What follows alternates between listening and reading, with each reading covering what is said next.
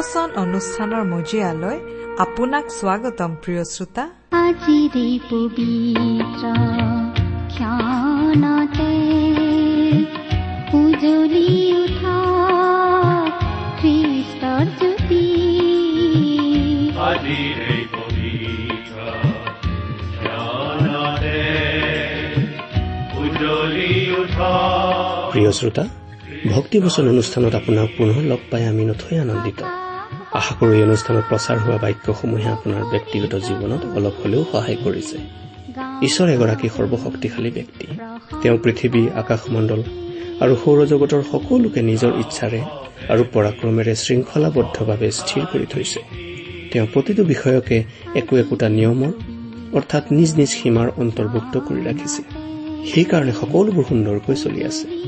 সেইবোৰৰ এটা বিষয়েও যদি নিজ নিয়মক চেৰাই যাবলৈ ধৰে তেন্তে সকলোবোৰ খেলি মেলি অৰ্থাৎ ধ্বংস হ'ব। আমাৰ জীৱনবোৰো তেনেকুৱা। আপোনাৰ মোৰ জীৱনটোকো ঈশ্বৰে বৰ সুন্দৰকৈ শৃংখলাবদ্ধভাৱে মংগলৰ আঁচনিৰে সজাই ৰাখিছে। ঈশ্বৰৰ পৰাক্ৰমী সুৰক্ষাৰ তলত আপোনাৰ জীৱন সদায় সুৰক্ষিত। তেওঁত আশ্ৰয় ললে আপুনি জীৱনৰ প্ৰকৃত আনন্দ বিচাৰি পাব। তেওঁৰ বাক্যই আপোনাক তেওঁৰ বিষয়ে আৰু অধিককৈ জানিবলৈ সহায় কৰাৰ আশাৰে এয়া আপোনালৈ আগবঢ়াইছো। ভক্তিবচন। আমাৰ পৰম পবিত্ৰ প্ৰভু যীশুখ্ৰীষ্টৰ নামত নমস্কাৰ প্ৰিয় শ্ৰোতা। আশা কৰোঁ আপুনি ভালে কুশলে আছে। প্ৰিয় শ্ৰোতা আমি বাৰু সকলোৱে এই কথাটো আশা নকৰোঁনে যে আমি ভাল পোৱা আমাৰ আত্মীয় স্বজন আমাৰ বন্ধু বান্ধৱসকল ভালে কুশলে থাকক? আনকি আমি চিনি নোপোৱা মানুহৰ দুখ কষ্ট হোৱা দেখিলেও আমাৰ অলপ হলেও বেয়া নালাগেনে ঈশ্বৰে আমাক সকলোকে চিনি পায় সকলোকে ভাল পায় আৰু সকলোৰে মংগল হোৱাটো তেওঁ কামনা কৰে। তেওঁৰ সেই প্ৰেমৰ বাণী আমি তেওঁৰ মহান বাক্য বাইবেল শাস্ত্ৰত পঢ়িবলৈ পাওঁ। একেদৰে আমিও আশা কৰোঁ আমাৰ মৰমৰ শ্ৰোতাসকল ভালে কুশলে থাকক। শ্ৰোতাসকলৰ পৰা চিঠি পত্ৰ আদি পাবলৈ আমি আশা কৰোঁ। চিঠি পত্ৰৰ জৰিয়তে আমি শ্ৰোতাসকলৰ বা বাতৰি পালে ভাল পাওঁ আমাৰ ভাল লাগে। লগতে আমাৰ এই অনুষ্ঠান অথলে যোৱা নাই বুলিও আমি বুজি পাওঁ। প্ৰিয় শ্ৰোতা আপুনি বাৰু কেতিয়াবা আমালৈ চিঠি লিখিছেনে? অনুগ্ৰহ কৰি দুষাৰিমান লিখি পঠিয়াবচোন। পাৰিলে আজিয়েই লিখক। আহকচোন আজিৰ বাইবেল অধ্যয়ন আৰম্ভ কৰাৰ আগতে আমি আমাৰ পৰম পিতা পৰমেশ্বৰৰ ওচৰত প্ৰাৰ্থনাত মূৰ্ণত কৰোঁ হওক। আমি প্ৰাৰ্থনা কৰোঁ হে আমাৰ স্বৰ্গত থকা অসীম দয়ালু পিতৃ ঈশ্বৰ তোমাক ধন্যবাদ জনাওঁ পিতা। কিয়নো তোমাৰ মহান বাক্য বাইবেল শাস্ত্ৰ অধ্যয়ন কৰিবলৈ তুমি আমাক আকৌ সুযোগ দিছা। প্ৰভু আমি দুৰ্বল মানুহ মাত্ৰ। আমাৰ সীমিত জ্ঞানেৰে তোমাৰ বাক্যৰ নিগৃঢ় তত্ত্ব আমি বুজি পাব নোৱাৰোঁ। প্ৰভু তুমিয়েই আমাক শিকোৱা তুমিয়েই আমাক বুজাই দিয়া তুমিয়েই আমাক কথা কোৱা। এই অনুষ্ঠান শুনি থকা প্ৰতিজন শ্ৰোতাক তুমি বিশেষভাৱে কথা কোৱা। তেওঁলোক প্ৰতিজনৰ বাবেই তুমি চিন্তা কৰা। তেওঁলোক প্ৰতিজনকেই যে তুমি ভাল পোৱা। তেওঁলোকৰ প্ৰতিজনৰ জীৱন যে তুমি সফল কৰি তুলিব খোজা সেই কথা তেওঁলোকক উপলব্ধি কৰিবলৈ দিয়া। এই ভক্তিবচন অনুষ্ঠানৰ সৈতে জড়িত প্ৰতিজন ব্যক্তিক তুমি বিশেষভাৱে সহায় কৰা যাতে তেওঁলোকে নিজৰ নিজৰ কাম সুকলমে কৰি যাব পাৰে। এই অনুষ্ঠানৰ জৰিয়তে তোমাৰ প্ৰেমৰ সৌৰভ চাৰিওফালে বিয়পাই দিয়া। কিয়নো এই প্ৰাৰ্থনা আমাৰ পাপৰ প্ৰাচিত্য কৰিবলৈ ক্ৰুচত নিজৰ অমূল্য তেজ বোৱাই মৃত্যুবৰণ কৰি তৃতীয় দিনা কবৰৰ পৰা পুনৰ জি উঠি এতিয়া স্বৰ্গত আমাৰ হকে নিবেদন কৰি থকা মহান প্ৰভু যীশুখ্ৰীষ্টৰ নামত অৰ্পণ কৰিলো। আমেন।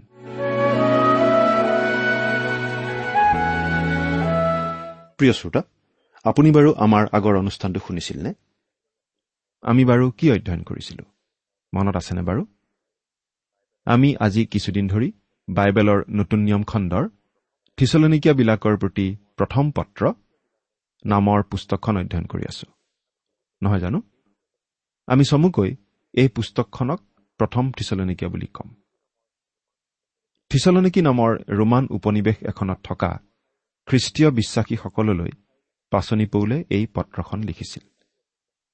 এই ঠাইৰ খ্ৰীষ্টীয় বিশ্বাসীসকলক পাচনি পৌলে খুব কম সময়ৰ কাৰণেহে লগ পাইছিল। কিন্তু এই নতুন বিশ্বাসীসকল অতি নিষ্ঠাপূৰ্ণ বিশ্বাসী আছিল আৰু তেওঁলোক আন আন ঠাইৰ মণ্ডলীৰ বাবে আদৰ্শস্বৰূপ হৈ উঠিছিল। আজি আমি আঠ নম্বৰ পদৰ পৰা আমাৰ অধ্যয়ন আৰম্ভ কৰিব খুজিছো। কিয়নো যোৱা অনুষ্ঠানত আমি এই প্ৰথম থিচলনিকীয়া পুস্তকৰ প্ৰথম অধ্যায়ৰ সাত নম্বৰ পদলৈকে অধ্যয়ন কৰিছিলোঁ। আপোনাৰ বাইবেলখন উলিয়াই লৈছেনে বাৰু? এতিয়া বাইবেলৰ পৰা পাঠ কৰি দিছো। প্ৰথম থিচলনিকীয়া প্ৰথম অধ্যায় আঠ পদ। পাঠ কৰি দিছো। কিয়নো মাকিদনীয়া আৰু আখায়া দেশতহে যে তোমালোকৰ পৰা প্ৰভুৰ বাক্যৰ প্ৰতিধ্বনি হ'ল অকল সেয়ে নহয়। ঈশ্বৰৰ প্ৰতি তোমালোকৰ যি বিশ্বাস তাৰ বাৰ্তা সকলো ঠাইতে এনেকৈ ব্যাপ্ত হ'ল যে আমাৰ আৰু একো কবৰ প্ৰয়োজন নাই। থিচলনিকি আছিল এখন ৰোমান উপনিৱেশ। আখায়া আৰু মাকিদনীয়া অঞ্চল আছিল আলেকজেণ্ডাৰৰ গ্ৰীক মাকিদনীয় সাম্ৰাজ্যৰ ইউৰোপীয় অংশ। এই গোটেই অঞ্চলতে থিচলনকীয়া মণ্ডলীৰ খ্ৰীষ্টীয় বিশ্বাসী ভাই ভনীসকলৰ সুখ্যাতি বিয়পি পৰিছিল। তেওঁলোক যে আদৰ্শ খ্ৰীষ্টিয়ান তেওঁলোক যে প্ৰভু যীশুখ্ৰীষ্টৰ লগতে পৌল আদি কৰি সাধুসকলৰ অনুকাৰী হৈছিল সেই কথা শুনিবলৈ পাইছিল।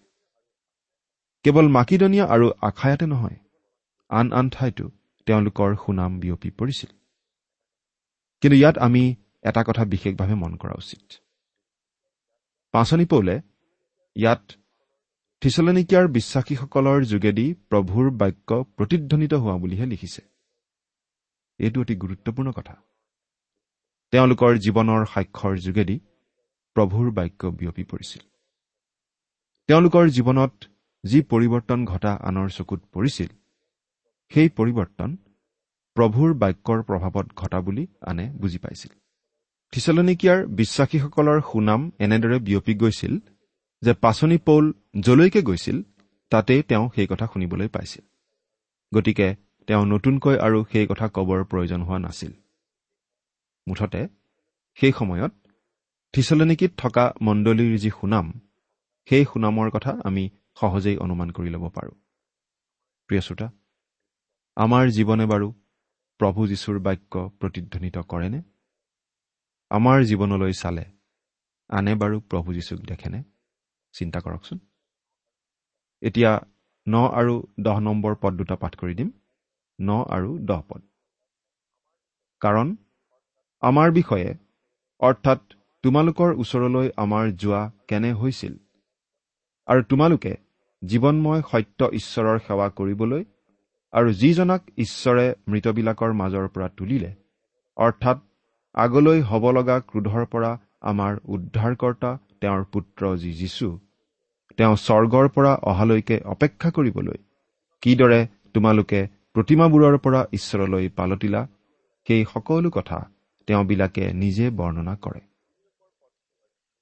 তিনি নম্বৰ পদটো অধ্যয়ন কৰাৰ সময়ত আমি এই পদ দুটা ইতিমধ্যেই ওপৰে ওপৰে চাইছিলো। থিচলনিকিয়াৰ লোকসকলে খ্ৰীষ্টৰ শুভবাৰ্তাৰ প্ৰতি যি সঁহাৰি দিছিল তাৰ পৰা আমি সহজে অনুমান কৰিব পাৰোঁ তেওঁলোকৰ সৈতে পৌল চিল আৰু তিমঠিয়ৰ কিমান গভীৰ সম্বন্ধ স্থাপিত হৈছিল। থিচলনিকীয়া লোকসকলে খ্ৰীষ্টৰ শুভবাৰ্তাৰ প্ৰতি কেনেদৰে সঁহাৰি দিছিল বাৰু? পাচনি পৌলে ইয়াত জনাই দিছে। প্ৰথমতে তোমালোকৰ বিশ্বাসৰ কাৰ্য। তেওঁলোকে কেনেকৈ প্ৰতিমাবোৰ এৰি ঈশ্বৰলৈ ঘূৰিছিল? দ্বিতীয়তে তোমালোকৰ প্ৰেমৰ পৰিশ্ৰম প্ৰকৃত আৰু জীৱিত ঈশ্বৰৰ পৰিচৰ্যা কৰিবলৈ। আৰু তৃতীয়তে তোমালোকৰ প্ৰত্যাশাৰ ধৈৰ্য প্ৰভু যীশুৰ পুনৰ আগমনৰ বাবে বাট চোৱা। এই ন আৰু দহ নম্বৰ পদ দুটা আমি এতিয়া অলপ বেলেগ দৃষ্টিকোণেৰে চাব খুজিছো। অলপ মন দি শুনিব দেই। যেতিয়া পাচনি পৌলে প্ৰভু যীশুৰ শুভবাৰ্তা প্ৰচাৰ কৰিবলৈ থিচলনিকিত আহি উপস্থিত হৈছিলহি তেতিয়া তেওঁ ঘোষণা কৰা নাছিল যে তেওঁ প্ৰতিমা পূজাৰ ভুল দিশবোৰ এপলো ভেনাছ আৰু ৰোমান সাম্ৰাজ্যৰ আন যিকোনো দেৱ দেৱীৰ সেৱা পূজা কৰাৰ বিৰুদ্ধে এলানি বক্তৃতা দিব। নাই তেওঁ তেনেদৰে ঘোষণা কৰা নাছিল আৰু তেনেধৰণৰ বক্তৃতাও দিয়া নাছিল। কিন্তু তেওঁ এটা কামেই কৰিছিল। থিচলেনিকিত উপস্থিত হৈয়েই পাচনি পৌলে কেৱল খ্ৰীষ্টৰ বিষয়েহে ঘোষণা কৰিলে। আৰু তেওঁ যেতিয়া খ্ৰীষ্টৰ কথা ঘোষণা কৰিলে সেই কথা বিশ্বাস কৰি লোকসকলে প্ৰতিমাবোৰলৈ পিঠি দি ঈশ্বৰলৈ ঘূৰিল। আন কথাত তেওঁলোক ঈশ্বৰলৈ পালতিল আৰু সেই কাম কৰোঁতে তেওঁলোকে প্ৰতিমাবোৰলৈ পিঠি দিলে। ইয়াত এটা কথা আমি মন কৰা উচিত। তেওঁলোকে ঈশ্বৰৰ পিনে ঘূৰিল আৰু প্ৰতিমাবোৰলৈ পিঠি দিলে। কোনোবাই হয়তো ক'ব পাৰে এই কথাটোনো কি বাৰে বাৰে কৈ আছে? কিন্তু প্ৰিয় শ্ৰোতা এই কথাটোৰ মাজত অতি গুৰুত্বপূৰ্ণ কথা এটা সোমাই আছে। পৰিত্ৰাণ লাভ কৰিবলৈ হলে মন পালটন কৰা আৱশ্যক। এই কথা আমি জানো। মন পালটন কৰা আৰু বিশ্বাস কৰা এই দুটা কামক পৰিত্ৰাণ লাভ কৰা প্ৰক্ৰিয়াটোৰ দুটা খোজ হিচাপে দেখুওৱা হয়। কিন্তু আচলতে এই দুয়োটা কাৰ্য একেটা টোপোলাতে বন্ধা আছে আৰু আমি ইয়াত দুয়োটা একেলগে পাইছো। পৌলে যেতিয়া খ্ৰীষ্টৰ কথা প্ৰচাৰ কৰিলে তেওঁলোকে ঈশ্বৰলৈ ঘূৰিল আৰু প্ৰতিমাবোৰলৈ পিঠি দিলে। অনুগ্ৰহ কৰি মন কৰিব। ইয়াতে আমি খুব দৰকাৰী কথা পাওঁ। তেওঁলোক ঈশ্বৰলৈ ঘূৰিল। এইটো হৈছে বিশ্বাসৰ কাৰ্য। বিশ্বাসে ইয়াকেই কৰে। প্ৰভু যীশুৱে কৈছিল ঈশ্বৰে যিজনক পঠালে তেওঁত বিশ্বাস কৰাই ঈশ্বৰৰ মনোনীত কৰ্ম। জোহন ছয় অধ্যায় ঊনত্ৰিশ পদ। এই থিচলনিকীয়া লোকসকলে ঈশ্বৰলৈ ঘূৰিছিল প্ৰতিমাবোৰলৈ পিঠি দি। তেওঁলোকে প্ৰতিমাবোৰলৈ পিঠি দিছিল। দাদা এইটোৱেই হৈছে মন পালটনৰ কাৰ্য। ঈশ্বৰলৈ ঘূৰা কামটোৰ পাছতহে মন পালটনৰ কাৰ্যটো ঘটিছিল আগতে নহয়। যেতিয়া তেওঁলোকে ঈশ্বৰলৈ মুখ কৰিলে তেওঁলোকে নিজে নিজে প্ৰতিমাবোৰলৈ পিঠি দিলে। প্ৰিয় শ্ৰোতা আপুনি এটা কাম কৰি চাওকচোন। আপোনাৰ হাতখন মুখৰ আগত ৰাখক।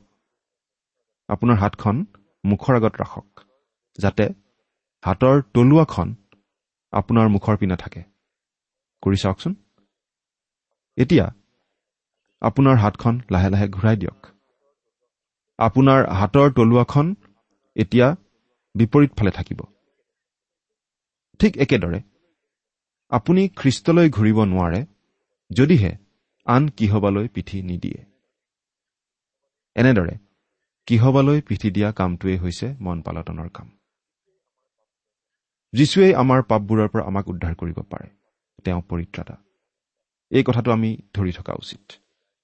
মানুহ যে আচলতে হেৰাই থকা পাপী মাত্ৰ সেই কথা মানুহে বুজি পোৱা উচিত। মানুহে নিজকে পাপী বুলি বুজি পোৱাৰ পাছত সেই কথাটো ভাবি ভাবি কান্দি কান্দি সময় কটাই থাকিব পাৰে। শেষ বিচাৰৰ দিনলৈকে। কিন্তু তাকে কৰিলে কিবা জানো লাভ হ'ব। বহুতো মদপী লোক আছে। মদ খাই খায়েই মৰি যায়। তেনেকুৱা বহুতো মদপী লোকে নিজৰ সেই বেয়া স্বভাৱটোৰ কথা আনৰ আগত কৈ দুখ কৰে। নানা ধৰণে নিজক দুখ দিয়ে অনুতাপ কৰে চকুলোটোকে। কিন্তু একো সলনি নহয়। তেওঁ মদপী মদপী হৈয়ে থাকে। মদ খাই খায়েই জীৱন শেষ কৰি দিয়ে।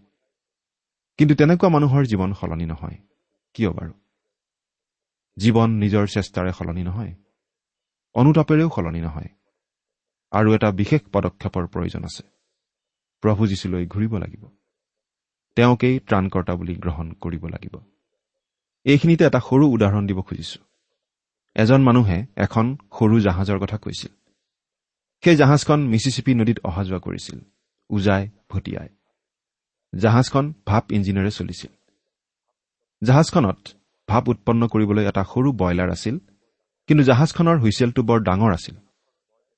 যেতিয়া জাহাজখন বয় বস্তুৰে বুজাই হৈ উজাই যাব লগা হৈছিল তেতিয়া সমস্যাত পৰিছিল। যেতিয়াই হুইচেল বজায়। হুইচেল বজোৱাৰ লগে লগেই প্ৰায় আধাখিনি ভাপ হুইচেলেৰে ওলাই গুচি যায় আৰু ইঞ্জিনৰ কাৰণে ভাপ নোহোৱাৰ নিচিনা হয়। আৰু জাহাজখন উজাই নগৈ লাহে লাহে ভটিয়াই পিছুৱাই আহিব ধৰে। প্ৰিয় শ্ৰোতা বহুতো মানুহৰ অৱস্থা একেই। সৰু ব্ৰইলাৰ কিন্তু প্ৰকাণ্ড হুইচেল তেওঁলোকে অনুতাপ কৰিব পাৰে চাৰিওফালে চকুলোৰ নদী বোৱাই ফুৰাব পাৰে কিন্তু তাৰ দ্বাৰা লাভ একো নহয়। যেতিয়া কোনো এজন ব্যক্তিয়ে খ্ৰীষ্টলৈ ঘূৰে তেতিয়াহে তেওঁ কিবাহৰ পৰা ঘূৰিব পাৰে। তেওঁ তেতিয়াহে নিজৰ পাপৰ পৰা ঘূৰিব পাৰে। যদিহে কোনো লোকে পাপৰ প্ৰতি পিঠি দিয়া নাই তাৰমানে আমি এইটো বুজিব লাগিব যে তেওঁ আচলতে খ্ৰীষ্টলৈ ঘূৰা নাই। আমি এটা কথা সহজে অনুমান কৰি ল'ব পাৰোঁ যে যেতিয়া থিচলেনিকিৰ খ্ৰীষ্টীয় বিশ্বাসীসকলে প্ৰতিমাবোৰলৈ পিঠি দিছিল তেওঁলোকে যে ইমান দিনে প্ৰতিমাবোৰৰ সেৱা পূজা কৰি বহুকাল এনেই অপব্যয় কৰিলে সেই কথাটো ভাবি চকুলো টুকিছিল। তেওঁলোকে খ্ৰীষ্টক গ্ৰহণ কৰি ঈশ্বৰলৈ ঘূৰাৰ পাছত ইতিপূৰ্বে অবাবতে নষ্ট কৰা বছৰবোৰৰ কথা ভাবি নিশ্চয় অনুতাপ কৰিছিল। ঈশ্বৰলৈ মুখ কৰা বা ঈশ্বৰলৈ ঘূৰা কামটো হৈছিল প্ৰথমতে আৰু তাৰ পাছত তেওঁলোকে উপলব্ধি কৰিছিল যে ঈশ্বৰলৈ ঘূৰা মানে প্ৰতিমাবোৰলৈ পিঠি দিয়া। এইখিনিতে আমি এটা কথা উল্লেখ কৰিব খুজিছো। বহুতো লোকে ভাবে যে মানুহে আগতে নিজৰ সকলো পাপ সকলো কুস্বভাৱ ত্যাগ কৰিব লাগিব আৰু তাৰ পাছতহে তেওঁ খ্ৰীষ্টক গ্ৰহণ কৰিব পাৰে। কিন্তু কথাটো তেনেকুৱা নহয়। মানুহ যি অৱস্থাতেই নাথাকক কিয়? যেনে স্বভাৱৰেই নহওক কিয়? খ্ৰীষ্টক গ্ৰহণ কৰিব পাৰে আৰু কৰা উচিত। খ্ৰীষ্টক প্ৰকৃততে যদি কোনোবাই গ্ৰহণ কৰে তেনেহলে তেওঁ পাপবোৰলৈ নিজেই পিঠি দিব। কুস্বভাৱবোৰ ত্যাগ কৰিবলৈ নিজেই ইচ্ছা কৰিব আন কোনেও কৈ দিব নালাগে। আৰু সেই সকলো কাম কৰাত পবিত্ৰ আত্মাই তেওঁক সহায় কৰিব। কিন্তু কোনো মানুহে যদি আগতে সকলো পাপ স্বভাৱ ত্যাগ কৰি তাৰ পাছতহে যীচুক গ্ৰহণ কৰিব বুলি ভাবি থাকে তেতিয়াহ'লে তেওঁৰ যীচুক গ্ৰহণ কৰা নহবই। কাৰণ মানুহে নিজৰ চেষ্টাৰে কেতিয়াও পাপৰ পৰা ৰক্ষা পাব নোৱাৰে। প্ৰভু যীশুক ত্ৰাণকৰ্তা বুলি গ্ৰহণ কৰাৰ পাছতহে পবিত্ৰ আত্মাৰ শক্তিৰে মানুহে পাপৰ কবলৰ পৰা ৰক্ষা পাব পাৰে। আমি আন এটা কথা ইয়াত উল্লেখ কৰিব খুজিছো। পাপত হেৰাই থকা জগতখনৰ আগত ঘোষণা কৰিব লাগে জগতৰ ত্ৰাণকৰ্তা প্ৰভু যীশুৰ কথা। কিন্তু অনুতাপ কৰিবলৈ বিশেষভাৱে শিকাব লাগে খ্ৰীষ্টীয় মণ্ডলীক। প্ৰকাশিত বাক্য দুই আৰু তিনি নম্বৰ অধ্যায়ত মণ্ডলীবোৰলৈ দিয়া বাৰ্তাবোৰ পঢ়ি চাবচোন। মণ্ডলীবোৰলৈ প্ৰভু যীশুৱে দিয়া বাৰ্তা কি আছিল?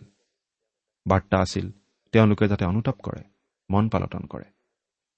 আজি কিন্তু খ্ৰীষ্টীয় মণ্ডলীয়ে মণ্ডলীৰ বাহিৰত থকা লোকসকলকহে কেৱল অনুতাপ কৰিবলৈ কৈ থকা আমি দেখো। কিন্তু বাইবেলে আমাক শিকায় যে মণ্ডলীৰ ভিতৰত থকা লোকসকলেও অনুতাপ কৰিব লাগে। আমি ঈশ্বৰৰ আগত মূৰ দুৱাই আঁঠু কাঢ়ি অনুতাপ কৰা উচিত। এই বাৰ্তাটো আলিবাটত থকা অবিশ্বাসী লোক এজনৰ আগত দিয়াৰ বাবে নহয়। তেনে লোক এজনে আগতে জানিব লাগিব যে তেওঁৰ এজন ত্ৰাণকৰ্তা আছে। প্ৰভু যীশুৱেই সেই ত্ৰাণকৰ্তা। তোমালোকে জীৱনময় সত্য ঈশ্বৰৰ সেৱা কৰিবলৈ। থিচলনিকীয়া লোকসকলে এতিয়া জীৱনময় সত্য ঈশ্বৰৰ সেৱা কৰিছে। এই সেৱা হৈছে প্ৰেমৰ সেৱা। কোনো লাভ নিবিচাৰি কৰা সেৱা। প্ৰিয় শ্ৰোতা আপুনি যদি খ্ৰীষ্টক প্ৰেম নকৰে তেন্তে তেওঁৰ সেৱা কৰিব নোৱাৰে। প্ৰভু যীশুৱে শিষ্যসকলক কৈছিল তোমালোকে যদি মোক প্ৰেম কৰা তেনেহলে মোৰ আজ্ঞাবোৰ পালন কৰিবা। জোখন চৈধ্য অধ্যায় পোন্ধৰ পদ। যদি আপুনি তেওঁক প্ৰেম নকৰে তেনেহলে তেওঁৰ আজ্ঞাবোৰ আপোনাৰ বাবে নহয়। আপুনি যদি তেওঁৰ বাক্য ঘোষণা কৰিব খোজে কিন্তু আপুনি তেওঁক প্ৰেম নকৰে তেনেহলে আপুনি ঘৰতে সোমাই থকাই ভাল। পৃথিৱীৰ সকলো জাতিৰ আগত খ্ৰীষ্টৰ শুভবাৰ্তা ঘোষণা কৰিবলৈ খ্ৰীষ্টই আজ্ঞা দিছিল শিষ্যসকলক। যদিহে আমি খ্ৰীষ্টক প্ৰেম কৰোঁ তেন্তে এই আজ্ঞা আমাৰ বাবে প্ৰযোজ্য। যদিহে প্ৰেম নকৰোঁ তেন্তে নহয়। প্ৰিয় শ্ৰোতা আপুনি বাৰু যীশুখ্ৰীষ্টক প্ৰেম কৰেনে? তেনেহলে খ্ৰীষ্টৰ সকলো আজ্ঞা আপোনাৰ বাবেও প্ৰযোজ্য। সেইবোৰ পালন কৰিবলৈ আপুনি নিজেই আগবাঢ়ি আহিব কোনেও জোৰ কৰিবৰ প্ৰয়োজন নাই। জোহনে লিখা শুভবাৰ্তাৰ একৈশ নম্বৰ অধ্যায়ত আমি পঢ়িবলৈ পাইছিলো প্ৰভু যীশুৱে মৃত্যুক জয় কৰি পুনৰুত্থিত হোৱাৰ পাছত শিষ্যবোৰক দেখা দিছিল আৰু তেওঁ পিতৰক কেইটামান প্ৰশ্ন কৰিছিল। তেওঁ পিতৰক সোধা নাছিল পিতৰ তুমি মোক কিয় অস্বীকাৰ কৰিছিলা? বা তেওঁ সোধা নাছিল পিতৰ তোমাক যদি মই পঞ্চাছদিনীয়া পৰ্বৰ দিনা বক্তৃতা দিবলৈ দিওঁ তুমি পাৰিবানে? তুমি সাহস দেখুৱাব পাৰিবানে? নাই প্ৰভু যীশুৱে তেনেকুৱা প্ৰশ্ন কৰা নাছিল। কিন্তু তেওঁ সুধিছিল পিতৰ তুমি মোক প্ৰেম কৰিছানে? যদি পিতৰে ক'লেহেঁতেন নাই কৰা বুলি তেতিয়া নিশ্চয় প্ৰভুৱে তেওঁক ক'লেহেঁতেন তেনেহলে পৰিচৰ্যাৰ চিন্তা বাদ দিয়া।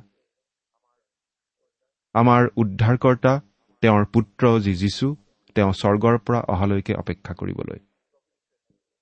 প্ৰভু যীশু এদিন আকৌ আহিব আৰু খ্ৰীষ্টীয় বিশ্বাসীসকলে তেওঁৰ আগমনলৈ আগ্ৰহেৰে বাট চায় অপেক্ষা কৰে। অপেক্ষা কৰা মানে কিন্তু হাত সাৱটি বহি থকা নহয়। ইয়াৰ মানে হৈছে ব্যস্ত হৈ থকা। আমি যদি খ্ৰীষ্টক ত্ৰাণকৰ্তা বুলি গ্ৰহণ কৰিছো তেন্তে আমি তেওঁক প্ৰেম কৰিব লাগিব। যদিহে প্ৰেম কৰোঁ তেন্তে তেওঁৰ সেৱা কৰি থাকিব লাগিব। তেওঁৰ আগমনলৈকে তেওঁৰ পৰিচৰ্যাত ব্যস্ত থাকিব লাগিব। অৰ্থাৎ তেওঁলৈ অপেক্ষা কৰি থকা অৱস্থাত আমি তেওঁৰ পৰিচৰ্যাত ব্যস্ত হৈ থাকিব লাগিব। প্ৰভু যীশুৰ আগমনৰ বাবে অপেক্ষা কৰা মানে বহি থকা নহয়। ইয়াৰ অৰ্থ হৈছে প্ৰভুৰ কাৰণে ব্যস্ত হৈ থকা। এয়েই হৈছে প্ৰত্যাশাৰ ধৈৰ্য। ইয়াৰ অৰ্থ হৈছে প্ৰভুৰ সেৱা কৰি থকা প্ৰভুৰ বাক্য বিলাই থকা আৰু একে সময়তে প্ৰভুৰ কাৰণে অপেক্ষা কৰি থকা। প্ৰভু যীশুৱে খ্ৰীষ্টীয় মণ্ডলীক এই পৃথিৱীৰ পৰা লৈ যাবলৈ আকৌ আহিব।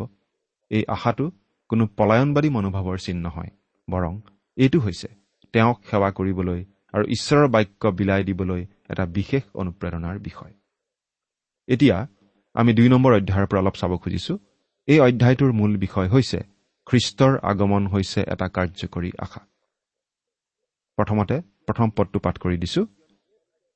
কিয়নো সেই ভাইবিলাক তোমালোকে নিজে জানা যে তোমালোকৰ তালৈ আমাৰ যোৱা ব্যৰ্থ নহল। ব্যৰ্থ হোৱা মানে একো ফলাফল নোহোৱা। পৌলে কৈছে আমি যেতিয়া তোমালোকৰ মাজলৈ আহিছিলো আমি তোমালোকৰ আগত কিছুমান মাত্ৰ তাত্বিক নীতি দাঙি ধৰা নাছিলো। আমি তোমালোকৰ আগত কোনো নতুন আৰু আচহুৱা আৰু তোমালোকৰ জীৱনত একো প্ৰভাৱ নেপেলোৱা কথা ঘোষণা কৰা নাছিলো। আমি মাত্ৰ কেইদিনমানৰ কাৰণে তোমালোকক নানা ধৰণে আমোদ দি গুচি অহা নাছিলো। নাই পৌলৰ কাম ব্যৰ্থ হোৱা নাছিল। তেওঁ যেতিয়া থিচলনিকিলৈ আহিছিল তেওঁৰ আগমনে অনেক লোকক জোকাৰি পেলাইছিল। অনেক লোকে খ্ৰীষ্টক বিশ্বাস কৰি গ্ৰহণ কৰি পৰিত্ৰাণ লাভ কৰিছিল। দ্বিতীয় পদ। কিন্তু ফিলিপি নগৰত আমি আগেয়ে অনেক দুখ ভোগ আৰু অপমান পায়ো তাৰ কথাও তোমালোকে জানা। অনেক যুঁজেৰে ঈশ্বৰৰ শুভবাৰ্তা তোমালোকৰ আগত কবলৈ আমাৰ ঈশ্বৰত হ্ৰাস কৰিছিলো। এয়া পাচনি পৌলে তেওঁৰ অভিজ্ঞতাৰ কথা কৈ আছে। পাচনি পৌলে অনেক যুঁজেৰে অৰ্থাৎ অনেক কষ্টেৰে শুভবাৰ্তা বিলাবলৈ থিচলনিকিলৈ আহিছিল। শুভবাৰ্তা শুনিবলৈ কোনেও থিচলনিকিত আচলতে বাট চাই থকা নাছিল। ইয়াত পৌলে কৈছে যে তেওঁক ফিলিপি নগৰত বৰ বেয়া ব্যৱহাৰ কৰা হৈছিল। তেওঁক অপমান কৰা হৈছিল। এই বিষয়ে আমি ইতিমধ্যেই পাচনিৰ কৰ্ম ষোল্ল নম্বৰ অধ্যায়ত পঢ়ি আহিছো। তেওঁক যথেষ্ট অপমান কৰা হৈছিল। কিন্তু পাচনি পৌল যেতিয়া থিচলনিকিলৈ আহিছিল তেওঁ ভয়েৰে নহয় দ্বিধাবোধ কৰি নহয় কিন্তু তেওঁ আহিছিল সাহসেৰে। অৰ্থাৎ অতীতৰ অভিজ্ঞতাই তেওঁৰ খোজ ধীৰ কৰি দিয়া নাছিল। তেওঁৰ মনত ভয়ৰ ভাৱ সুমুৱাই দিয়া নাছিল। কিন্তু তেওঁ অতি সাহসেৰে আগবাঢ়ি আহিছিল। তেওঁ শুভবাৰ্তা নৰম কৰি দিয়া নাছিল। তেওঁ শুভবাৰ্তাত ভাজ দিয়া নাছিল। তেওঁ এই বুলি কোৱা নাছিল নাই মই শুভবাৰ্তা প্ৰচাৰ কৰা ধৰণটো সলনি কৰিব লাগিব। মই আগতে যেনেকৈ শুভবাৰ্তা ঘোষণা কৰিছিলো এতিয়া আৰু তেনেকৈ শুভবাৰ্তা ঘোষণা নকৰিম। কথাখিনি একেই ৰাখিম কিন্তু অলপ বেলেগ ধৰণে কম। মই মানুহ চাই পৰিস্থিতি চাই পৰিৱেশ চাই অলপ সাৱধানে ঘোষণা কৰিব লাগিব। নাই পাচনি পৌলে তেনেদৰে ভবা নাছিল পাচনি পৌলে তেনে কৰা নাছিল। তেওঁ অতি সাহসেৰে যলৈকে গৈছিল শুভবাৰ্তা ঘোষণা কৰি গৈছিল। শুভবাৰ্তা ঘোষণা কৰাৰ পদ্ধতি তেওঁ সলোৱা নাছিল। পাচনি পৌলে মুখেৰে কোৱা কথা কাৰ্যত পৰিণত কৰি দেখুৱাই দিছিল। মুখেৰে যি কৈছিল কামেৰেও তেওঁ তাকেই কৰিছিল। তেওঁৰ অন্তৰত যদি বিশ্বাস আছিল তেনেহলে কাৰ্যৰ যোগেৰে সেই বিশ্বাস প্ৰকাশ কৰিছিল। আৰু সেইকাৰণে পাচনি পৌলৰ সকলোতকৈ ডাঙৰ বাণী আছিল কি জানেনে প্ৰিয় শ্ৰোতা? তেওঁৰ জীৱনেই আছিল তেওঁৰ সকলোতকৈ ডাঙৰ বাণী। তেওঁৰ সৰ্বোত্তম বাণী লিখিত বা কথিতভাৱে নহয় কিন্তু তেওঁৰ জীৱনৰ কাৰ্যৰ যোগেদিহে প্ৰকাশ পাই উঠিছিল। কৰ্মবিহীন বিশ্বাস মৰা। এইবুলি জাকুবে দুই নম্বৰ অধ্যায়ৰ ছাব্বিছ নম্বৰ পদত আমাক জনাই দিছে। আমাৰ যদি বিশ্বাস আছে সেই বিশ্বাস আমাৰ কৰ্মৰ যোগেদি আমাৰ কাৰ্যৰ যোগেদি প্ৰকাশ পাই উঠিবই লাগিব। সেই কথাটো পাচনি পৌলে নিজৰ জীৱনত প্ৰকাশ কৰি তেওঁৰ কাৰ্যৰ যোগেদি তেওঁৰ জীৱন্ত বিশ্বাস প্ৰকাশ কৰিছিল। আৰু সেইবাবেই ইমান কম দিনৰ ভিতৰতেই তেওঁ অনেক লোকক খ্ৰীষ্টলৈ আনিব পাৰিছিল।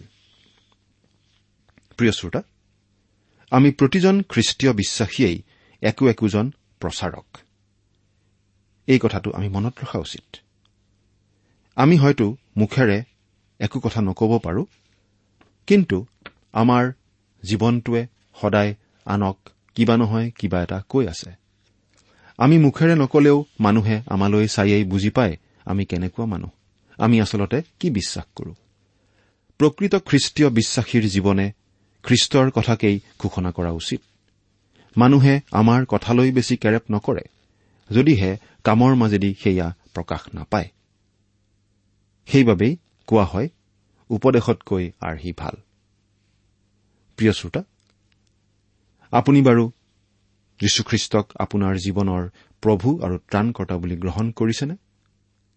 যদিহে কৰিছে আপোনাৰ জীৱনৰ যোগেদি সেই কথাটো বাৰু প্ৰকাশ পাই আছেনে? আপোনাৰ জীৱনলৈ চালে মানুহে বাৰু আপুনি যীশুখ্ৰীষ্টত যে বিশ্বাস কৰিছে সেই কথাটো বুজি পায়নে? চিন্তা কৰি চাওকচোন। আপোনাৰ জীৱনৰ যোগেদি প্ৰভু যীশু জীৱন্ত ৰূপত প্ৰকাশ পাই উঠক। এই কথা আপুনি বাৰু আজিয়েই প্ৰাৰ্থনাৰে ঈশ্বৰৰ আগত নজনাবনে? ঈশ্বৰ আপোনাৰ সহায় হওক। আহমেদ আমি মাথো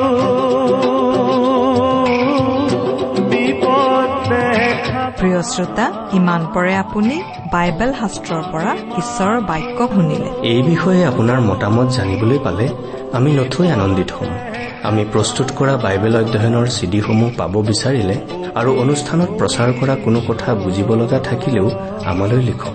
আমাৰ যোগাযোগৰ ঠিকনা ভক্তিবচন ট্ৰান্সৱৰ্ল্ড ৰেডিঅ' ইণ্ডিয়া ডাক বাকচ নম্বৰ সাত শূন্য গুৱাহাটী সাত আঠ এক শূন্য শূন্য এক। ঠিকনাটো আকৌ এবাৰ কৈছো ভক্তিবচন ট্ৰান্সৱৰ্ল্ড ৰেডিঅ' ইণ্ডিয়া ডাক বাকচ নম্বৰ সাত শূন্য গুৱাহাটী সাত আঠ এক শূন্য শূন্য এক। আমাৰ ইমেইল এড্ৰেছটো হৈছে Assamese T TV at the rate radio' eight eight two dot com. আমাৰ website W W W dot T W R dot in. আপুনি টেলিফোনৰ মাধ্যমেৰেও আমাক যোগাযোগ কৰিব পাৰে। আমাৰ টেলিফোন নম্বৰটো হৈছে nine eight five four zero' four zero' eight eight nine. Phone নম্বৰটো আকৌ এবাৰ কৈছো ন আঠ পাঁচ চাৰি শূন্য চাৰি শূন্য আঠ আঠ ন। আপুনি এই ভক্তিবচন অনুষ্ঠানটি আমাৰ website W W W dot radio' eight eight two dot কমতো শুনিব পাৰিব। আজিৰ অনুষ্ঠানটি ইমানতেই সামৰিছো।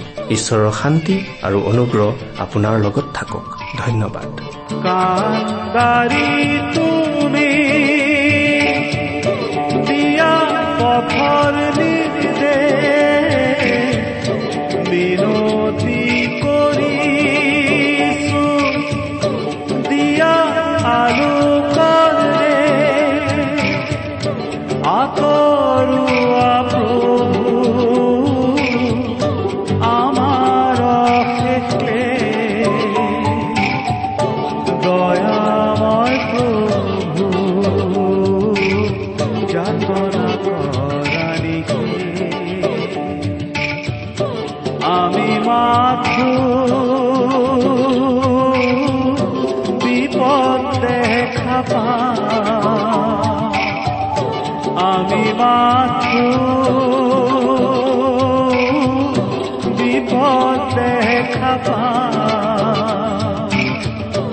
অতীত ভবিষ্যৎ